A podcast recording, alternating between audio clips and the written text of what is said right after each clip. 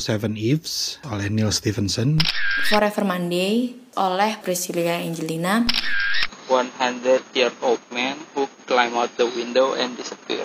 Flip Descript, kumpulan catatan rap nerd selama satu dekade oleh Harry Sutresna. Analisa fundamental Desmond Wira. Alexander Tian atau Amazing, Somewhere Only We Know.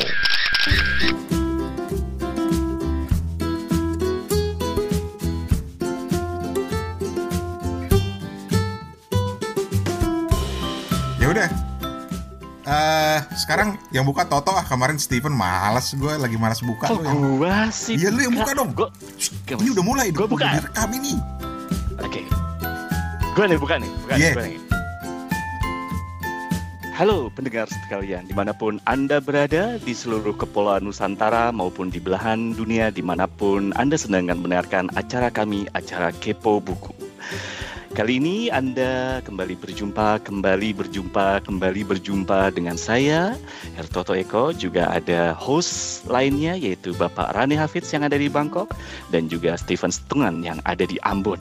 Anda bisa mendengarkan di gelombang-gelombang platform kami yaitu Anchor FM, Spotify, Google Podcast, dan juga platform-platform lainnya. Hari ini kami akan membahas kiriman-kiriman yang masuk ke ruang redaksi kami. Mari kita saksikan, kita dengarkan bersama Kepo Buku edisi ke-14 ini. Dan tetap merdeka.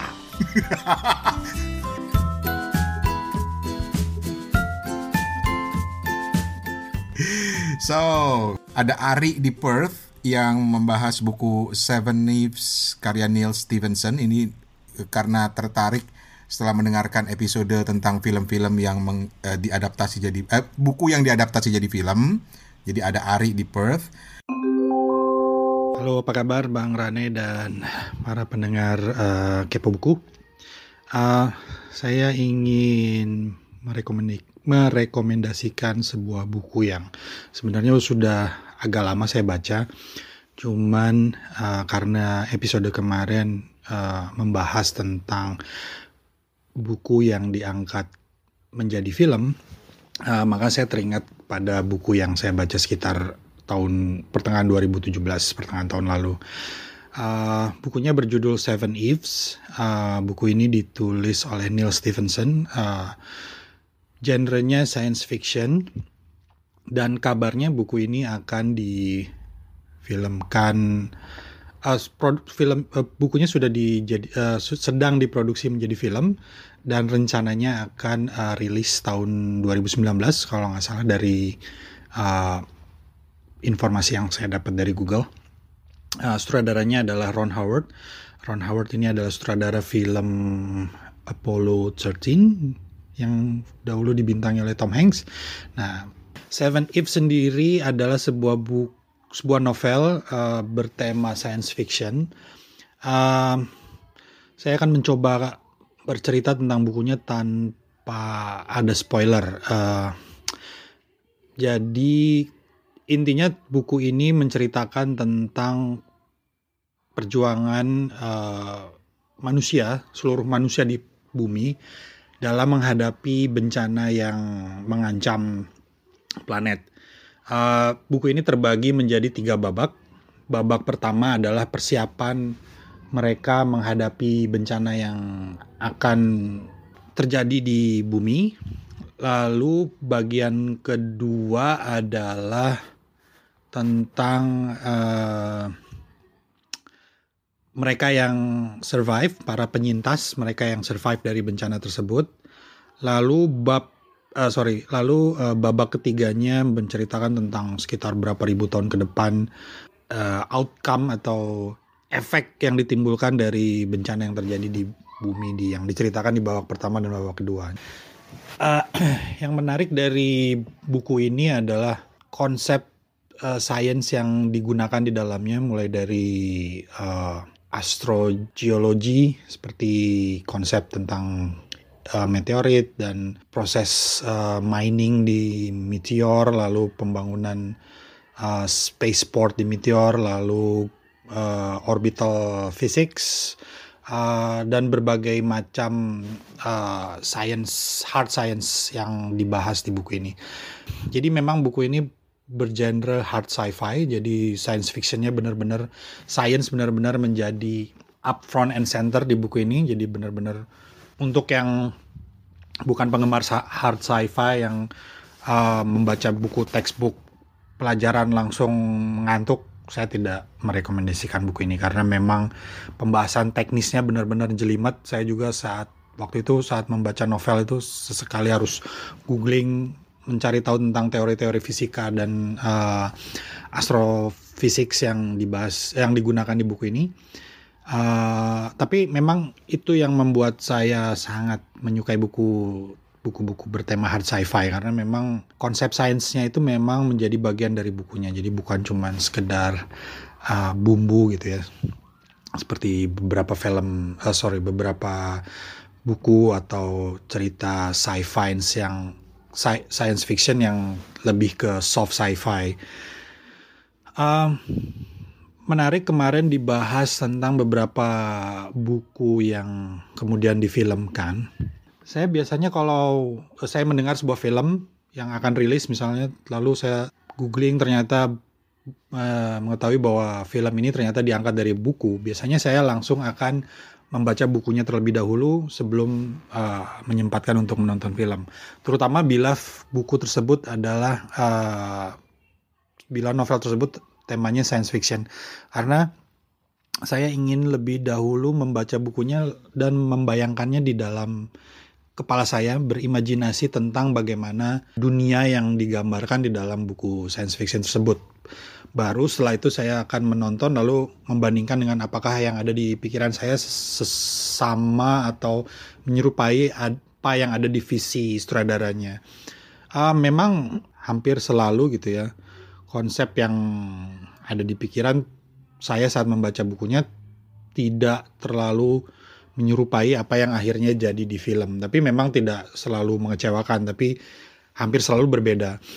Dan yang menarik adalah saat sebuah novel yang temanya benar-benar hard sci-fi seperti Seven Eves atau The Martian diangkat menjadi film, biasanya konsep science yang menjadi kekuatan si novelnya tidak terlalu muncul di film. Filmnya biasanya lebih mengutamakan uh, special effects atau action. Ya, tapi bukan berarti filmnya jadi tidak menarik, tapi ya bisa dibilang berbeda dengan apa yang mungkin hendak disampaikan si penulis novelnya saat dia menulis novel tersebut. Terutama ini ini ini yang biasanya yang temanya hard sci-fi. Beberapa novel yang saya novel sci-fi yang saya baca lalu saya menonton filmnya antara lain misalnya ya tadi The Martian uh, oleh Andy Weir. Saat menonton filmnya saya uh, kesan yang saya tangkap setelah membaca bukunya lalu menonton filmnya adalah The Martian uh, sangat cepat. Jadi uh, kalau di buku itu kan pembahasannya mendetil gitu ya lalu pada saat dijadiin film sangat cepat. Apalagi yang itu yang kemarin juga dibahas adalah Ender's Game. Ender's Game-nya Orson Scott Card. Uh, itu di bukunya begitu mendetil tidak hanya mendetil tentang teknologinya tapi juga uh, kondisi psikologis uh, beban psikologis si Anders ini saat dia harus istilahnya menjadi tumpuan seluruh umat manusia di seluruh planet itu berada di pundak si Anders ini dan di buku itu benar-benar diceritakan mendetil, mendetil bagaimana uh, beban psikologis lalu uh, apa masalah-masalah sosial yang dia hadapi selama ada di pusat pelatihan. Sementara di film tidak terlalu diperlihatkan, di film lebih memperlihatkan proses kegiatan mereka saat ada di pusat pelatihan yang uh, yang memang benar. Saya juga pernah membaca uh, sempat menjadi buku yang direkomendasikan di pusat pelatihan perwira angkatan darat di Amerika. Dan buku, uh, film ter film terbaru sci-fi yang saya baca dulu film uh, sorry saya baca dulu bukunya itu adalah uh, Ready Player One. Dan bisa dibilang saya agak kecewa karena di film uh, pop culture yang begitu kaya di dilukiskan di dalam novelnya itu tidak terlalu terlihat di uh, film. Karena memang ya kalau film itu kan karena waktunya cuma satu jam setengah atau maksimal dua jam. Sementara buku kita bisa membaca sampai berhari-hari. Jadi di buku itu benar-benar sangat mendetail diceritakan tentang pop culture di tahun 70-an 80-an uh, mulai dari video games, uh, komik sampai film, acara TV itu semuanya dibahas mendetail. Jadi itu saja dari saya untuk saat ini. Uh, saya benar-benar merekomendasikan Seven Ifs untuk uh, yang menyenangi hard sci-fi dan uh, buku yang diangkat ke film. Terima kasih. Uh, Ulzana di Semarang, Forever Monday, Priscilia Angeline. Uh, halo Kipo Buku, halo Bang Rane, halo Bang Toto, halo Ksatria Buku, Steven. Um, perkenalkan nama aku Ulzana, aku dari Semarang. Terima kasih atas kesempatannya. Uh, kali ini aku bakal sharing novel yang sedang aku baca untuk yang kesekian kalinya di satu tahun belakangan yang jadi masih jadi favorit aku. Judulnya ini Forever Monday ditulis oleh penulis uh, muda Ruth Priscilla Angelina. Jadi awalnya kenapa aku bisa akhirnya beli buku ini? Itu sebenarnya uh, aneh banget sih bang, karena uh, kan aku baca tuh sekilas di toko buku, terus aku kembaliin di rak, terus udah aku memutuskan untuk balik aja dan gak ngebeli buku itu. Cuman uh, setelah kayak beberapa langkah gitu kayak ada gaya tarik yang besar yang menarik aku untuk kembali ke buku ini gitu. Dan akhirnya ya udah aku ambil aku ambil terus aku bayar terus aku bacakan di rumah. Singkat cerita uh, buku ini tuh ceritanya uh, kisahnya berputar di tiga karakter utama yang menurutku karakternya itu cukup kuat dan aku suka banget sama penggambaran tokohnya. Uh, mereka karakternya uh, bener-bener punya ini masing-masing lah dari penggambaran visualnya sampai ke uh, dialognya itu aku suka. Terus hmm, sebenarnya yang aku suka dari buku ini tuh yang pertama itu dia nyaman dibaca. Penyampaiannya ringan tapi ceritanya itu nggak main-main asli. Ya nggak mau spoiler. Pokoknya ceritanya itu nggak main-main. Uh, yang kedua itu dia itu kayak apa ya memainkan dinamika perasaan banget. Ya sama sih tipikal novel romance. Ada yang ada senangnya ada lain-lain yang bikin deg-degan yang bikin uh, sedih. Cuman ini tuh kayak beda gitu. Um, mulai pertengahan itu ada sejarah-sejarah dari tokoh-tokohnya ini yang mulai terkuak dan ya terutama sejarah keluarga gitu.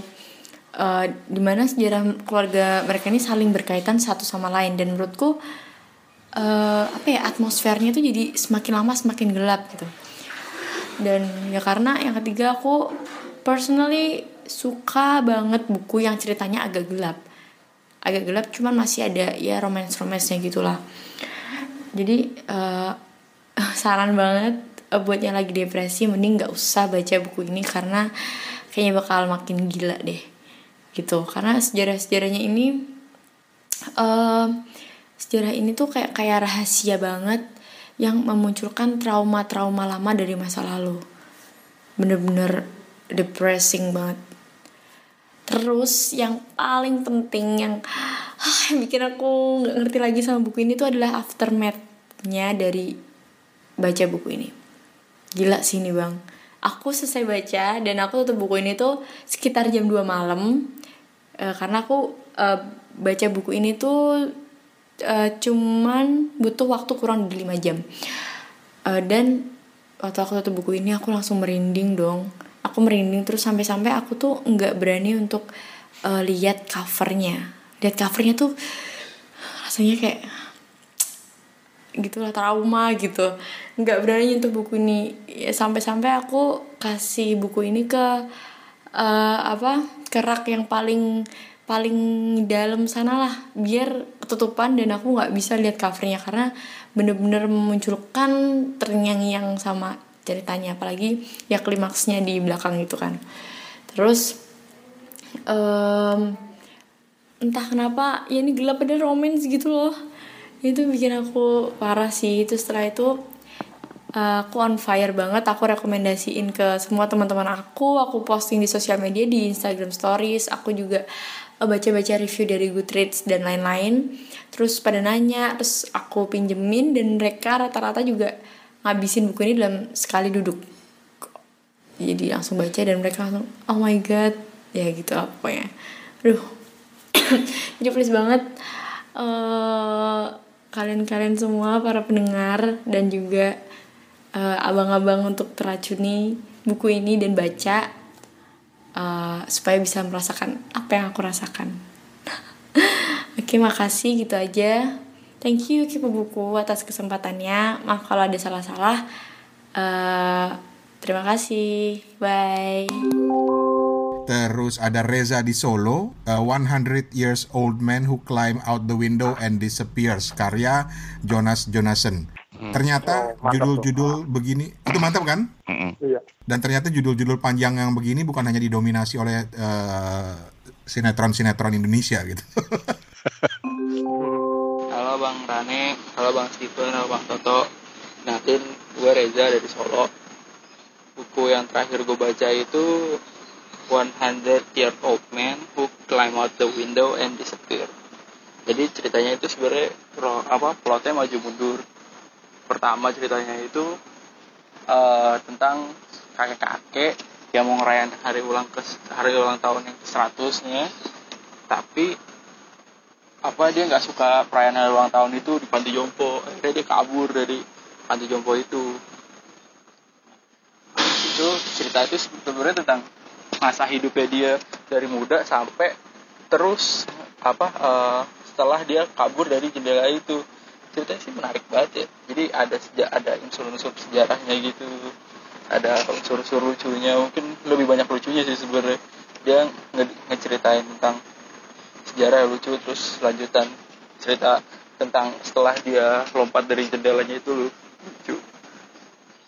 Bisa disebut kalau misalnya buku ini worth to read sih. Gak nyesel gitu meskipun apa tebel banget ya buat orang yang lihat buku tebel tuh gak suka langsung. Men- mending mungkin bisa buat baca buku ini sih. Itu sih mungkin dari ceritanya bagus.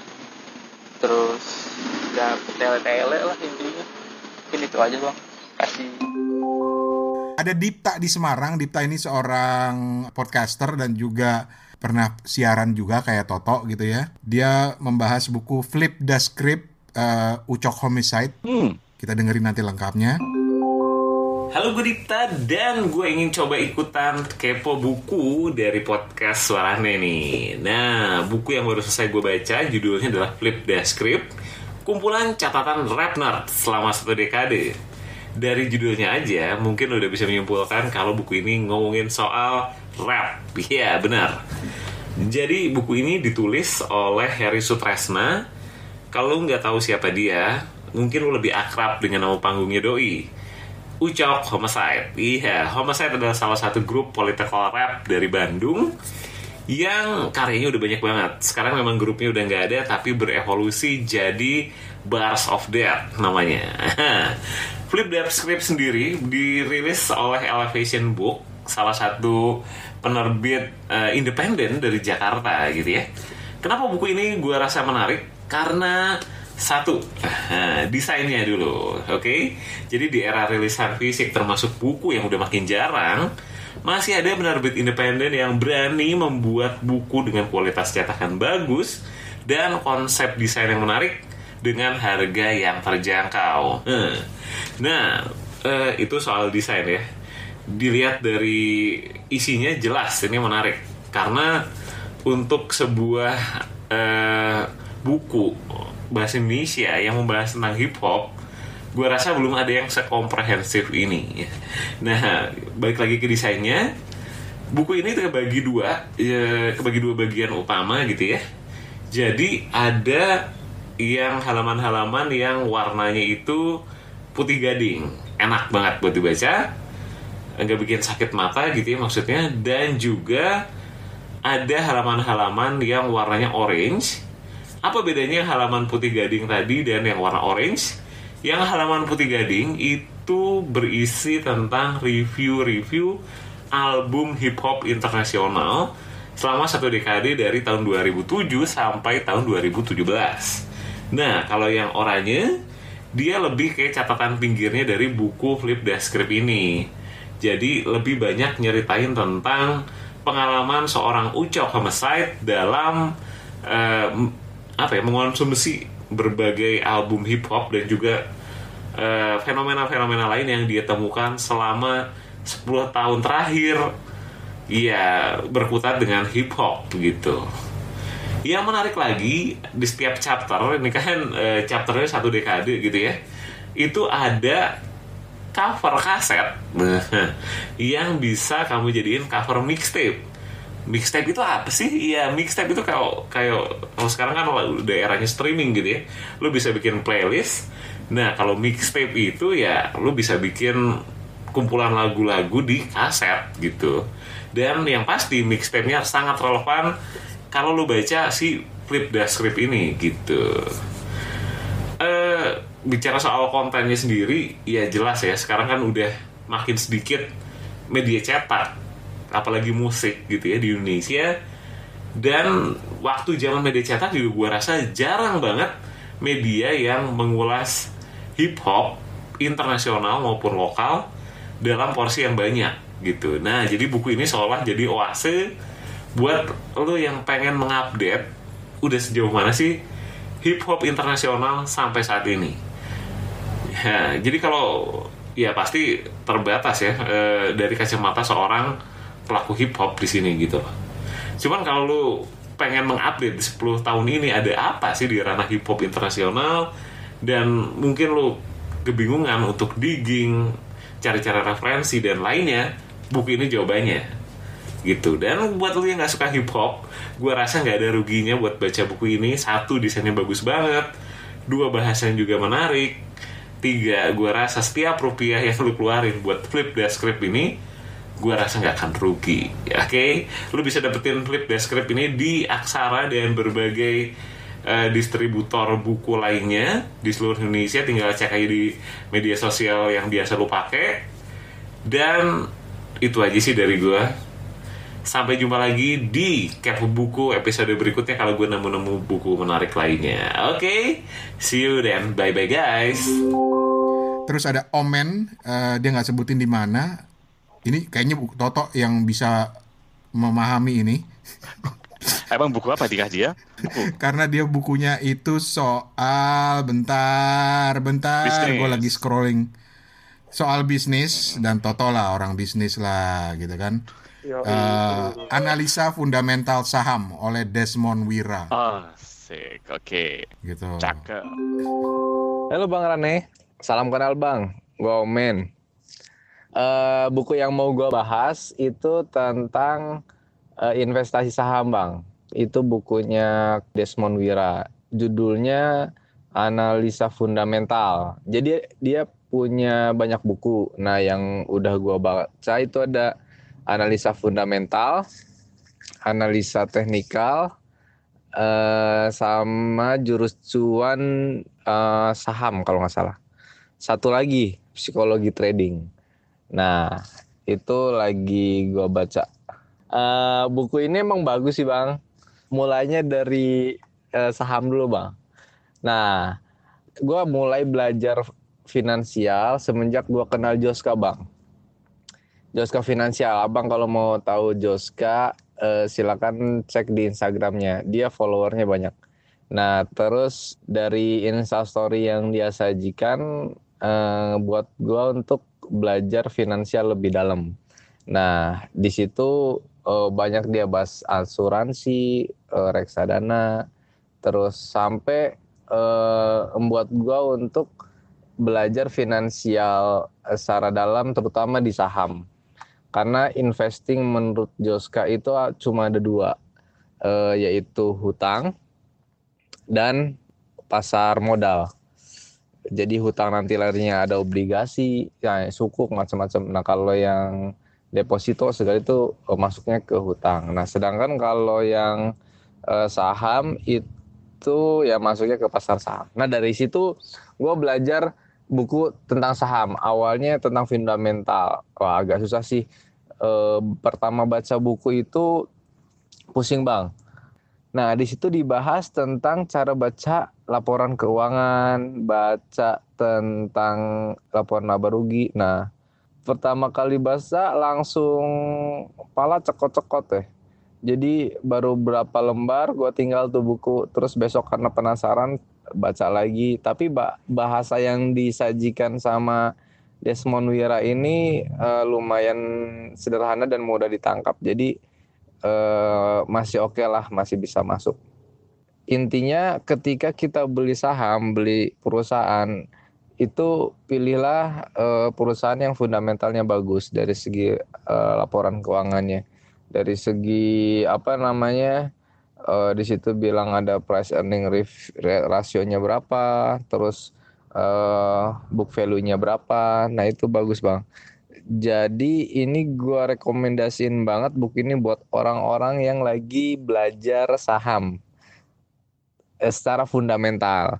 Jadi untuk beli saham eh, kita harus lihat emitennya dulu itu kuat nggak secara fundamental. Nah buku ini cocok untuk dijadiin referensi yang belajar yang mau belajar tentang saham karena buku-buku tentang saham sih udah banyak sih.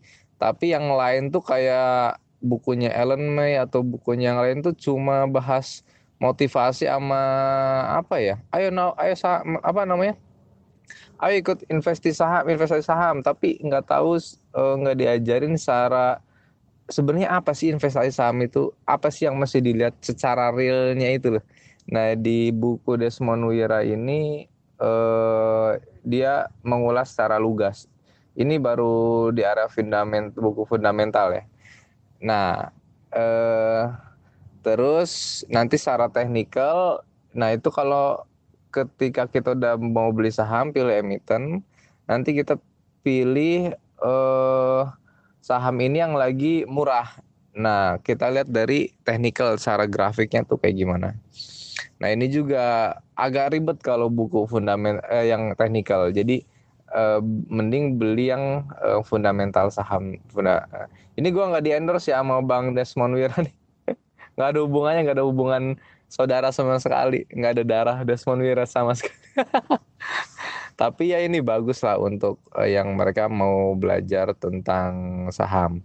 Nah ini ada pengalaman waktu kemarin beli saham ikut-ikut apa namanya ikut-ikut grup uh, saham kayak Stockbit gitu forum sih forum saham. Jadi wah ini lagi bagus nih sahamnya. Wah uh, ikut-ikut tuh masuk uh, waktu itu udah punya rekening RDI-nya terus masuk uh, wah iya tuh naik tuh saham. Naik naik naik. Wah akhirnya mulai greedy nih mulai rakus oh ya udah belinya banyak. Awalnya sih mainnya cuma 5 juta. Terus eh, bukan main ya kita bilangnya bisnisnya 5 juta. Nah terus dinaikkan di apa namanya ditambah lagi investasinya. Naiklah tuh jadi 10 juta. Terus ya udah naik wah ini menguntungkan nih naiklah jadi 15 juta. Wah tiba-tiba waktu itu bulan-bulan tiga bulan lalu ya. Nah dolar naik jut wah langsung sama jokes. Wah wah itu merasa rugi. Nah itu terlalu rakus. Gara-gara itu eh, saham apa namanya gara-gara harga saham anjlok terus ya udahlah selling panik dijual akhirnya rugi. Eh, gara-gara itu akhirnya beli buku oh, psikologi trading. Karyanya Desmond Wira juga harusnya sih baca psikologi trading dulu. Habis itu baru uh, apa namanya main bukan main bisnis saham. Nah itu sih bang pengalamannya. Uh, kayaknya kurang menarik ya ceritanya. Tapi nggak apa ini gue lagi nyoba uh, belajar uh, ikut podcast lah kayak bang Ren nih mohon bimbingannya bang ya Ya, thank you bang. Terus ada Iyo di Jakarta, nih kayaknya kenal kita toh nih toh. Iyo tuh siapa eh, ya? Iyo yang nggak nggak kenal, nggak kenal. Beda beda. Nggak kenal. Beda Iyo, beda Iyo. Beda. Iya, ini Iyo yang lain kayaknya. Sorry ya Iyo. novel Alexander Tian atau Amazing. Ini salah satu seleb tweet nih. Hmm. Terkenal juga. Yang nulis buku ternyata berjudul Somewhere Only We Know. Oke. Gitu. Halo pendengar Kepo Buku. Salam kenal nama saya Iyo dari Jakarta. Mau share sedikit tentang buku yang saya baca. Jadi saya itu sebenarnya saya membaca buku banyak gitu ya. Eh, saya baca komik. Sekarang lagi baca komik Tokyo Ghoul sama baca komik H2O dari komikus Indonesia Sweta Kartika dan eh, satu novel yang baru saja saya habiskan adalah novel dari Alexander Tian atau Amazing yang judulnya Somewhere Only We Know gitu. Eh saya mau sedikit nge-reviewnya untuk yang novel aja. Jadi untuk para pecinta teen lit the next level gitu ya. Sepertinya Somewhere Only We Know ini bisa eh apa ya, bisa sedikit menghibur gitu.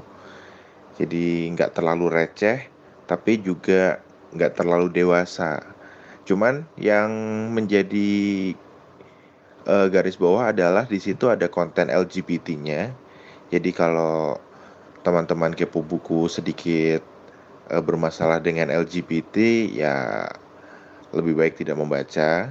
Tapi kalau mencari eh, bacaan yang bernuansa cinta dan eh semacam apa ya cerita yang memiliki happy ending gitu kayaknya Somewhere Only We Know bagus untuk dibaca. Begitu. Semoga bisa menambah referensi bukunya dan mungkin nanti di eh, rekaman-rekaman berikutnya saya mau sharing tentang buku yang sekarang lagi saya baca Raksasa dari Jogja. Oke, bye. Komentar Steven misalnya dari pilihan-pilihan buku teman-teman kita ini yang ikut ngirim apa, Steven?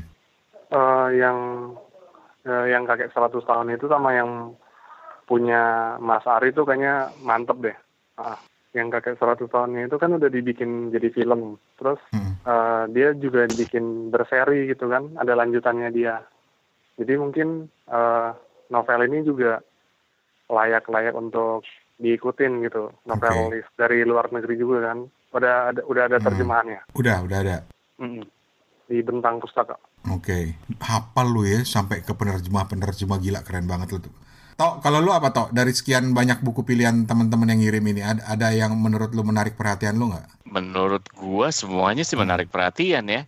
Eh cuman kalau dilihat dari topiknya dari sekian banyak ternyata gue cuma bisa nyimpulin pendengar kita tuh dari dari sekian banyak yang masuk review yang masuk tuh sebenarnya eh banyak sukanya beda-beda ya ternyata ya. Eh, beragam gitu. Tuh ada buku bisnis masuk eh, kemudian buku sastra pasti kan ya. Kemudian eh, topiknya juga unik tadi yang tentang musik rap ya. Siapa tadi yang kasih? Eh, Dipta. Dipta. Itu menurut gue asik banget gitu. Jadi eh, kemudian eh, yang episode yang lalu ada yang bahas buku tentang clean eating kan. Mm-mm. jadi kalau gue lihat sih oke juga gitu. Ternyata em, yang dengerin kepo buku ternyata pilihan bukunya beragam gitu nggak cuma satu genre aja gitu Gitu. Dan itu keren banget contoh buat yang lain bahwa Mm-mm. lu baca buku apa aja boleh lu kirim ke sini ceritanya. betul betul Iya. Gitu kan? betul Jadi Mm. jangan mentang-mentang Steven bacanya bu- banyak buku sastra gitu misalnya Mm. yang sudah kekinian, Toto dengan nggak bisa lepas dari masa lalu buku-bukunya gitu kan ya. Dan gue yang ilmiah do- ilmiah dari Hong Kong gitu. Jangan mentang-mentang itu terus itu dijadiin patokan bahwa kepo buku itu buku apa pun. buku apa pun Lu ada contoh buku yang paling absurd nggak menurut lo yang menarik kalau dibahas di kepo buku? dari dulu gue pengen ada yang bahas tentang buku masak Buku resep. Karena gini kita tuh gue punya eh, bagaimanapun secara pribadi gitu ya gue malu kan punya kesukaan walaupun kita banyak baca buku paling paling tidak gue Steven dan lu punya sedikit banyak punya tendensi ke arah genre tertentu itu pasti kan ya. Dan unik Ah. ketika gua mendengar ada orang tiba-tiba bahas buku masak gitu misalnya. Gimana lu bahas buku masak misalnya gitu atau atau lu nggak suka baca Hmm. self help gitu ya misalnya. Terus ada orang bahas buku Hmm. self help gitu. Menarik menurut gue. Gue tuh sama tertariknya Oke. ketika ada orang even baca buku yang genrenya juga gue baca fiksi tapi dengan sudut pandang yang berbeda menurut gue asik-asik aja. Jadi jangan khawatir pilihan buku apa pun gitu. Oke. Benar, benar. Kalau Steven, lu pengen denger orang membahas buku apa yang menurut lu gua pernah dibahas kali? Eh, mungkin yang pertama pengen di ini cerita silat satu. Oke. Terus yang kedua mungkin eh, selain ilmu-ilmu kedokteran mungkin ilmu kesehatan gitu, biar tambah sehat mungkin ininya. Oke. Tapi bukan buku teks kedokteran gitu kan? Iya bukan. bukan bukan. Ntar lu cuma mau bab-bab Eh, lagi. tapi kalau ada yang mau bahas itu nggak apa-apa ya, gitu ya. Eh nggak apa-apa ya, nggak apa-apa ya. Kan Kita kita, be- bebas. kita, kita bilang bebas-bebas aja kita ya. bebas. Lu mau Iya maaf maaf maaf. artinya lu mau bahas buku textbook kuliah bahkan buku textbook SMA silakan gitu kalau lu membahasnya dengan Wah. menarik karena why not gitu kan menurut Kalau gua ada ibu guru misalnya yang bisa bahas Hmm. buku teks anak-anak zaman sekarang tuh keren tuh. iya misalnya gitu atau buku bacaan anak-anak misalnya gitu ya Eh, misalnya gitu atau bacaan anak-anak untuk anak kelas 5 yang anak SD misalnya apa yang bagus bagus tuh buat dibahas di sini kan Keren. menurut Keren, gua keren, keren, keren. kan gitu. Atau Toto yang nggak bisa move on bahas buku ini Budi misalnya gitu kan ya. ini Budi sekarang tuh apa gitu Ah, itu itu keren. Tuh, kita kasih ide buat teman-teman yang mau ngirim. Sementara kalau gue, gue, gue pengen ada di antara lo yang bahas satu komik, bebas komik apa aja. Yang kedua, secara khusus manga. Karena gue yang pernah tinggal di Jepang, gue nggak nggak suka manga, men. Gue sampai di, di, di bego-begoin sama teman-teman gue karena lu pernah tinggal di Jepang, lu nggak suka manga katanya. khusus untuk khusus untuk manga gua itu Gitu. pertama kali baca manga berapa kali ya ternyata cara baca gua salah saudara-saudara baca manga itu ada urutannya kan dari sini blok ke sini blok ke sini ternyata salah pantesan gue selama ini baca kenapa gue bingung sama jalan ceritanya ternyata salah saudara-saudara pengalaman pribadi Hmm, Eh, apalagi ya, Tok? Ada lagi? Gak ada Saran pokoknya kirim aja saran sarannya segera kirim. Sarannya Ya, segera kirim. iya jangan segera kirim jangan pakai mikir Nggak, usah pakai mikir. apa pun kiriman anda akan kami balas Oke, sip, sip, sip. kayak iklan zaman dulu Asik. Iya lu masih tetap gaya RRI-nya lu nggak hilang juga lu mentang-mentang pernah di. RRI. Eh salah ya? Bukan, bukan, bukan di RRI ya. Toto bukan di RRI. Oke, dan akhirnya sampai di sini episode Kepo Buku. Dari Bali ada Steven, ada eh, Toto yang lagi mudik ke Singapura dan gua di Bangkok Thank you, pamit. thank you.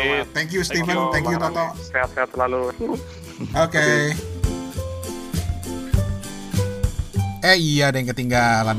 Buat teman-teman yang mau ikutan kepo buku dengan cara mengirimkan voice note-nya seperti teman-teman yang barusan kita dengar tadi, silahkan ditunggu. Bisa pakai email. Jadi caranya rekam pakai voice note di HP terus kirim ke- email atau di attach ke email ke suarane@gmail.com.